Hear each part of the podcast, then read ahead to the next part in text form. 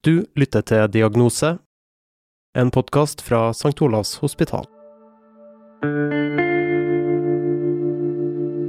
Jeg har jo alltid vært en person som bare har gitt dette til angsten, sant? og bare latt den bestemme.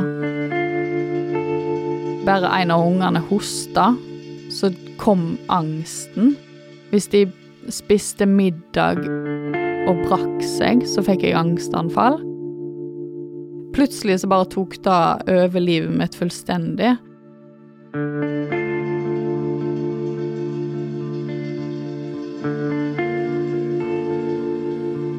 Det å bekymre seg over ting, smått og stort, er noe alle mennesker opplever. Men for noen vil ikke bekymringene gi slipp, og frykten for at ting kan gå galt, tar fullstendig over. Jeg heter Elling Finanger Snøfugl, og denne episoden skal handle om denne litt udefinerbare, men altoppslukende angsten, nemlig generalisert angstlidelse. Generalisert angstlidelse det er overdreven og vedvarende bekymring på veldig mange områder, og at pasienten da ikke klarer å kontrollere dette tankekjøret. Svein Haseth er psykologspesialist og leder av angst- og OCD-teamet på Nidaros CPS ved St. Olavs hospital. Han har lang erfaring med behandling av pasienter med angstlidelser, der generalisert angstlidelse er en av hovedformene. Det som skiller generalisert angstlidelse fra andre angstlidelser, er jo at det er bekymring som er hovedsymptomet. Og det er bekymring som ikke er knytta til enkelte situasjoner eller gjenstander. F.eks. i sosial fobi så er jo bekymring knytta til sosiale. Hvis det er panikklidelse, så er jo bekymring knytta til at du får angstanfall eller kroppslige symptomer. Ved tvangslidelse er det jo knytta til tvangstankene som personen har. Så ved generalisert angstlidelse så er jo bekymringa mer frittflytende og på, på flere tema, da. Det er ikke lett å si nøyaktig hvor mange i Norge som lider av generalisert angstlidelse, for det er ikke alle som søker hjelp. Men vi regner med at omtrent 4,5% av befolkninga får det her i løpet av livet. Akkurat nå da, så kan jeg si at det er ca. 150 000 som har det i Norge. Av dem her er det dobbelt så mange kvinner som menn, og lidelsen kan ramme folk i alle aldre. Det rammer både barn, unge og voksne. Kanskje en tendens til at det kommer litt senere i livet, men, men det er veldig stor forekomst også blant barn som har det her, da. Om du er barn med generalisert angstlidelse, så bekymrer du deg naturlig nok for andre ting enn en voksen. Men fellestrekket for denne gruppa mennesker er at de opplever at angsten, bekymringa og anspentheten løper løpsk, og at de ikke klarer å kontrollere det. Altså det er at det er veldig mye bekymring eller katastrofetanker da, for, for veldig mange tema. Det er en slags superbekymra, det her. Sånn at de setter i gang bekymring nesten uansett. Det pågår konstant.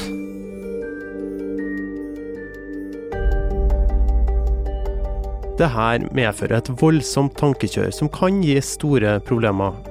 Ikke bare psykisk, men også fysisk.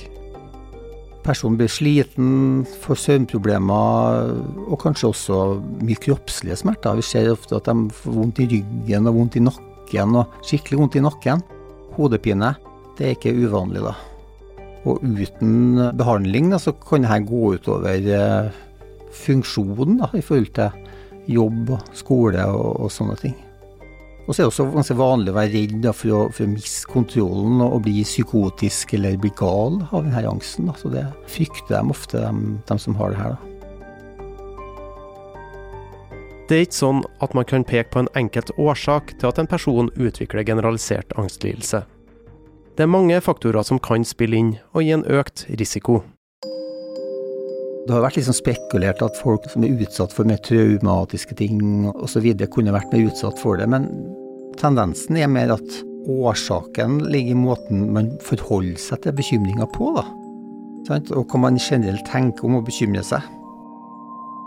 De som er bekymra, bruker bekymring for en måte å forberede seg på utfordringer og farer på, da. så har de ikke så gode verktøy for å stoppe det. Noen studier peker også på at arvelighet kan spille inn.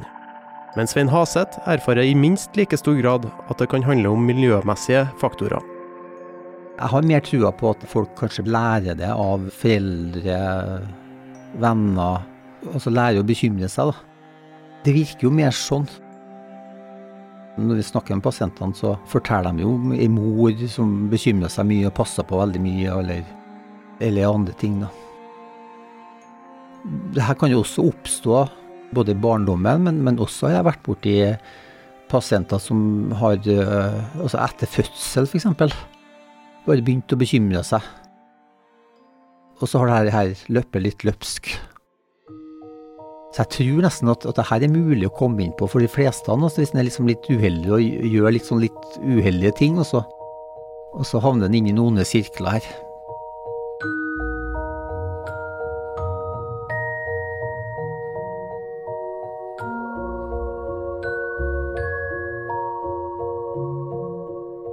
Første gangen jeg kan huske at jeg hadde angst, det var på barneskolen i sånn femte-sjette klasse. Jeg begynte å bekymre meg veldig mye. Og jeg husker jeg hadde mye angst hele den sommerferien fram til ungdomsskolen. Og jeg kunne ikke forstå hvorfor jeg var den eneste som gikk rundt med en klump i magen, og jeg klarte nesten ikke å gjøre noe den sommerferien, for jeg bare satt inne og kjente på en angst, egentlig. Trine Åkre er 29 år gammel og kommer fra den lille kommunen Kvinnherad i Vestland. I dag bor hun i Trondheim med forloveden og to barn, og jobber som sykepleier. Helt siden hun var barn har hun slitt med angst. Allerede da hun gikk på barne- og ungdomsskolen var det veldig tydelig at hun var langt over gjennomsnittet engstelig og bekymra. Jeg kunne bekymre meg f.eks. For, for min fremtidige økonomi òg allerede i, i den alderen, liksom. Sparte alle pengene mine fra tiendeklassebursdagen min tilfelle jeg en dag måtte jo få råd til et hus og ting til ungene mine og liksom Alt var en bekymring plutselig. I ungdomsårene var det spesielt sosiale settinger hun hadde angst for, til den grad at hun unngikk denne type situasjoner. Samtidig brukte hun også mye krefter på å skjule for omverdenen. Jeg prøvde å ta på meg ei veldig hard maske. Så jeg tror nok utenifra, de som ikke kjente meg så godt på ungdomsskolen og videregående, så tror jeg nok jeg framsto som ei veldig hard jente. Men innerst inne så var jeg jo livredd for at noen skulle avsløre meg, og avsløre hvor svak jeg følte meg inni meg, da. Mot slutten av tenårene utvikla det seg til det verre. Det var noen år i sånn kanskje 17-18-19-årsalderen der jeg ikke turte å gå på matbutikken engang. For jeg hadde jo ingen kontroll over hvem jeg skulle møte på matbutikken, og hva om jeg fikk angst på matbutikken, og foran folk på matbutikken, og etter vi ble 18 òg, så måtte det mye overtaling til for å få meg med ut på fest. Jeg måtte i hvert fall ha ei ukes forberedelse, sånn at jeg kunne bekymre meg lenge nok og finne ut av løsninger for alle bekymringene mine. Hva hvis dette skjer? Hva hvis noen sier dette? Hva skal jeg gjøre da? Og så måtte jeg ha en plan for hvordan jeg skulle komme meg ut hvis jeg fikk angst. Hvordan skal jeg komme meg ut av situasjonen? Hvem kan hente meg? Det var mye planlegging for å være med på hva som helst, da. Hun visste ikke på denne tida hvorfor hun hadde det sånn. Men hun har senere blitt diagnostisert med både tvangslidelse, altså OCD, og generalisert angstlidelse. Det er nemlig ganske vanlig at generalisert angstlidelse opptrer sammen med andre psykiske lidelser, og ofte også andre angstlidelser. Generalisert angstlidelse det kommer ofte i forkant av å gi økt sårbarhet for andre psykiske lidelser. Og da er det andre angstlidelser du kan få, men også mye depresjon. Sånn sett så tenker jo mange at uh, generalisert angstlidelse er en veldig viktig lidelse som på en måte ligger under andre angstlidelser. Og derfor så liksom økt forståelse av eh, og behandling av denne lidelsen kan ha veldig stor betydning for, for andre angstlidelser og depresjon også. Det tok litt tid før Trine fikk riktig type behandling.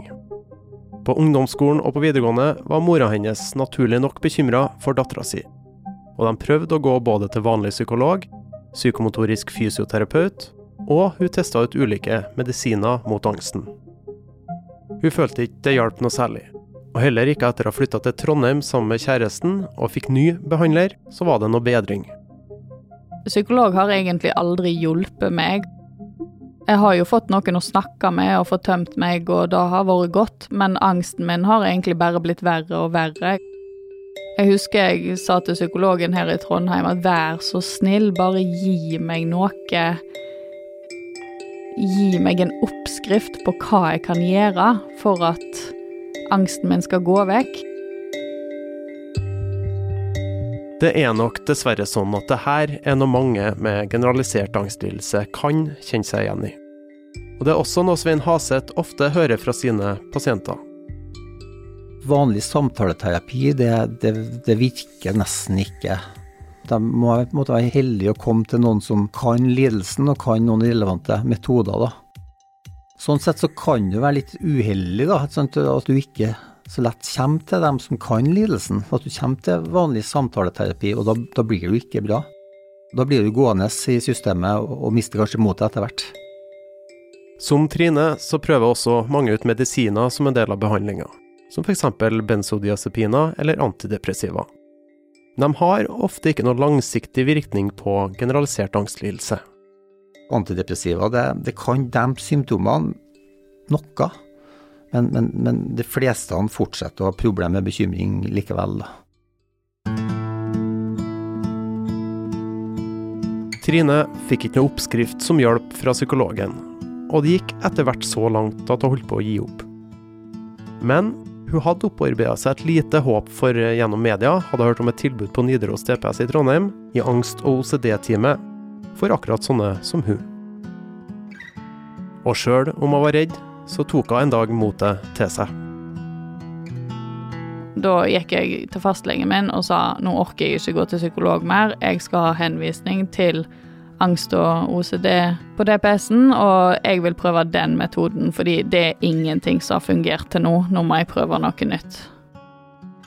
Hun var ikke helt sikker på hva gikk til, men hun skjønte raskt at det her var noe annet enn det hun hadde fått av behandling fra før. Når jeg møtte møtte den psykologen som jobba spesifikt med angst, så merka jeg jo at jeg hadde gjort veldig masse feil. Jeg hadde jo gitt etter for angsten hele livet, latt den bestemme hva jeg skulle gjøre. Jeg trodde det var bra at jeg bare unngikk alt som ga meg angst, for da slapp jeg å ha angst. Men en må jo eksponere seg sjøl.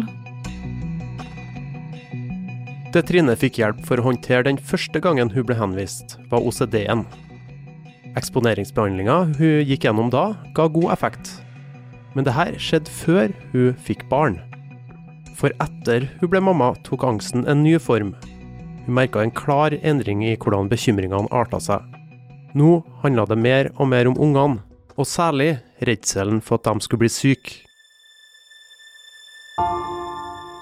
Jeg gikk inn i en krisemodus, og da kan sikkert de fleste foreldre kjenne seg igjen i, men med min angsthistorikk så viser det seg at dette krisemoduset jeg gikk inn i, det skulle vare lenge. Hun husker særlig en periode etter å ha født sitt andre barn.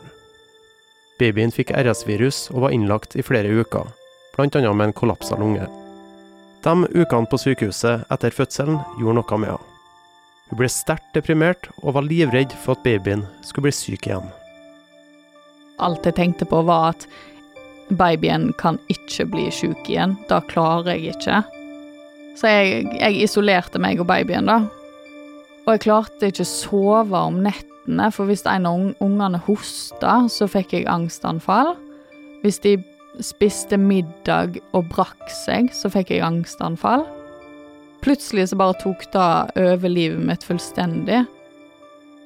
Etter det her tok Trine kontakt med angst- og OCD-teamet på nytt for å få hjelp. Da fant jeg og psykologen ut at da skulle jeg i denne generalisert angstlidelsegruppa, da, for å ta kverken på det en gang for alle. Lære hvordan jeg skulle takle bekymringene som dukka opp i hodet mitt. da. I generalisert angstlidelsegruppa på Nidaros DPS bruker de en spesialisert terapiform som kalles metakognitiv terapi. Der er målet å endre måten vi forholder oss til tankene våre på. I metakognitiv terapi så lærer pasienten da å ikke reagere eller respondere på det her bekymringstankene. Vil si vi øver da på ikke å analysere bekymringene, men på en måte å distansere seg fra dem. Samtidig så prøver vi også å øve da på å ikke stenge dem ut, bekymringene. For det er jo også en vanlig strategi som stjeler energi og, og løser egentlig ingenting, da. Så det vi trener på, å la bekymringstankene komme, og samtidig er vi passiv eh, observatør. Etter denne behandlinga jeg har hatt nå, så har jeg lært meg at jeg kan få en bekymring. Den har ikke jeg kontroll på, men så stopper jeg der. Men jeg skyver den ikke vekk, for hvis du prøver hardt å skyve noe vekk, så klamrer det seg jo hardere fast. Men jeg lar den bare ligge der. Og jeg skjønte konseptet veldig kjapt, men det tok litt tid for meg å klare det. For det er jo veldig vanskelig, syns jeg, da, å klare det og bare la en tanke ligge der. Men etter hvert som jeg klarte det, uten å gå inn i bekymringen, så merka jeg jo at bekymringene slapp veldig mye fortere enn de gjorde før, og de kom ikke så ofte lenger. I tillegg til metakognitiv terapi kan også det som kalles kognitiv terapi ha god effekt på generalisert angstlidelse, hvis det brukes riktig. Der fokuseres det derimot mer på selve innholdet i tankene. En kognitiv terapeut stiller f.eks. snakker sånn Hvor mye tror du på at du fremstår dum? Hva er dine bevis som støtter det her? Mens en metakognitiv terapeut spør hvordan nytte er det å tenke på dumhet? Går det an å redusere denne aktiviteten? Tilbake i 2011 bestemte Svein Haseth og en rekke andre forskere seg for å teste ut og sammenligne de to terapiformene som behandling for generalisert angstlidelse. Studien, som ble ledet fra NTNU, viser at metakognitiv terapi hadde vesentlig bedre effekt på denne pasientgruppa. Etter to år opplevde hele 85% av pasientene som hadde fått metakognitiv terapi, å bli frisk eller vesentlig bedre.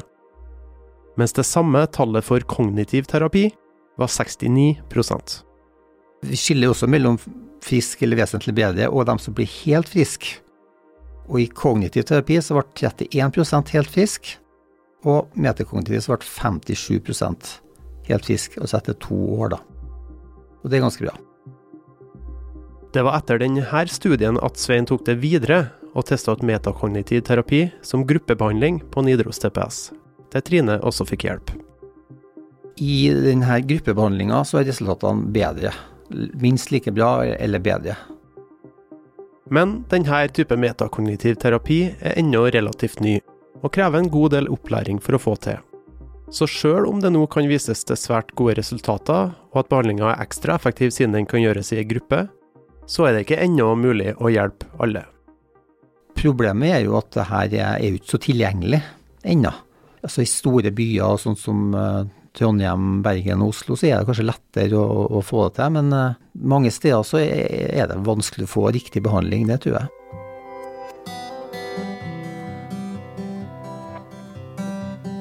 Jeg tror at hvis du har angst eller OCD, så må du til noen som har god peiling på akkurat angst.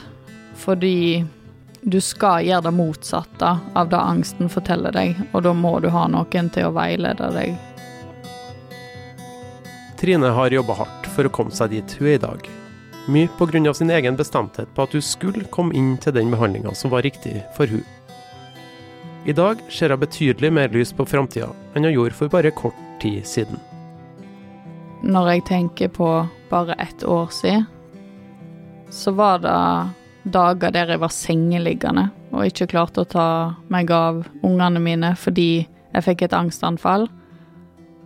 Og da bare fulgte jeg angstanfallet. Jeg kollapsa ned i senga, klarte ikke å røre meg, kunne ikke gjøre noe fordi jeg hadde så angst. Jeg mata angsten, jeg fortsatte med angsten. Mens i dag så blir jeg ikke sengeliggende av angst. Jeg fortsetter dagen min selv om jeg får et angstanfall, så fortsetter jeg bare med det jeg gjør på. Og da varer angstanfallet mye mindre enn det gjorde for bare et år siden. For Svein Haseth, som sitter på andre sida av bordet, er det å være en del av en sånn forbedring, og se at det du driver med, hjelper andre mennesker til å leve et bedre liv, noe av det som motiverer mest med jobben. Jeg har jo holdt på med dette her siden 2008. Jeg syns det har vært en sånn fantastisk eh, reise. Mange tenker jo at det er veldig fælt å være psykolog og, sånn, men det er jo litt det òg noen ganger. Men, men det, det, er så mye Det å virkelig gå inn og prøve å finne metoder som hjelper pasientene, og at de blir friske, og se, se det i øynene på dem liksom, når de får det til. da relativt raskt, da. Men kanskje en sånn ti-tolv samtaler, og kanskje enda fortere uh, enkelte ganger også. Det er helt fantastisk. Det, er sånn uh, Da tenker jeg veldig ofte at jeg har en uh, verdens beste jobb, da. Det er jo pga. disse verktøyene at jeg i dag kan sitte med ungene mine på fanget selv om de er syke. For et år siden så kunne jeg ikke det. Til og med på dårlige dager så kan jeg tenke at jeg vet at jeg kan bli enda bedre. Jeg vet at jeg, hvis jeg gjør eh, det jeg skal gjøre, så kan jeg bli enda bedre og enda bedre og Ja.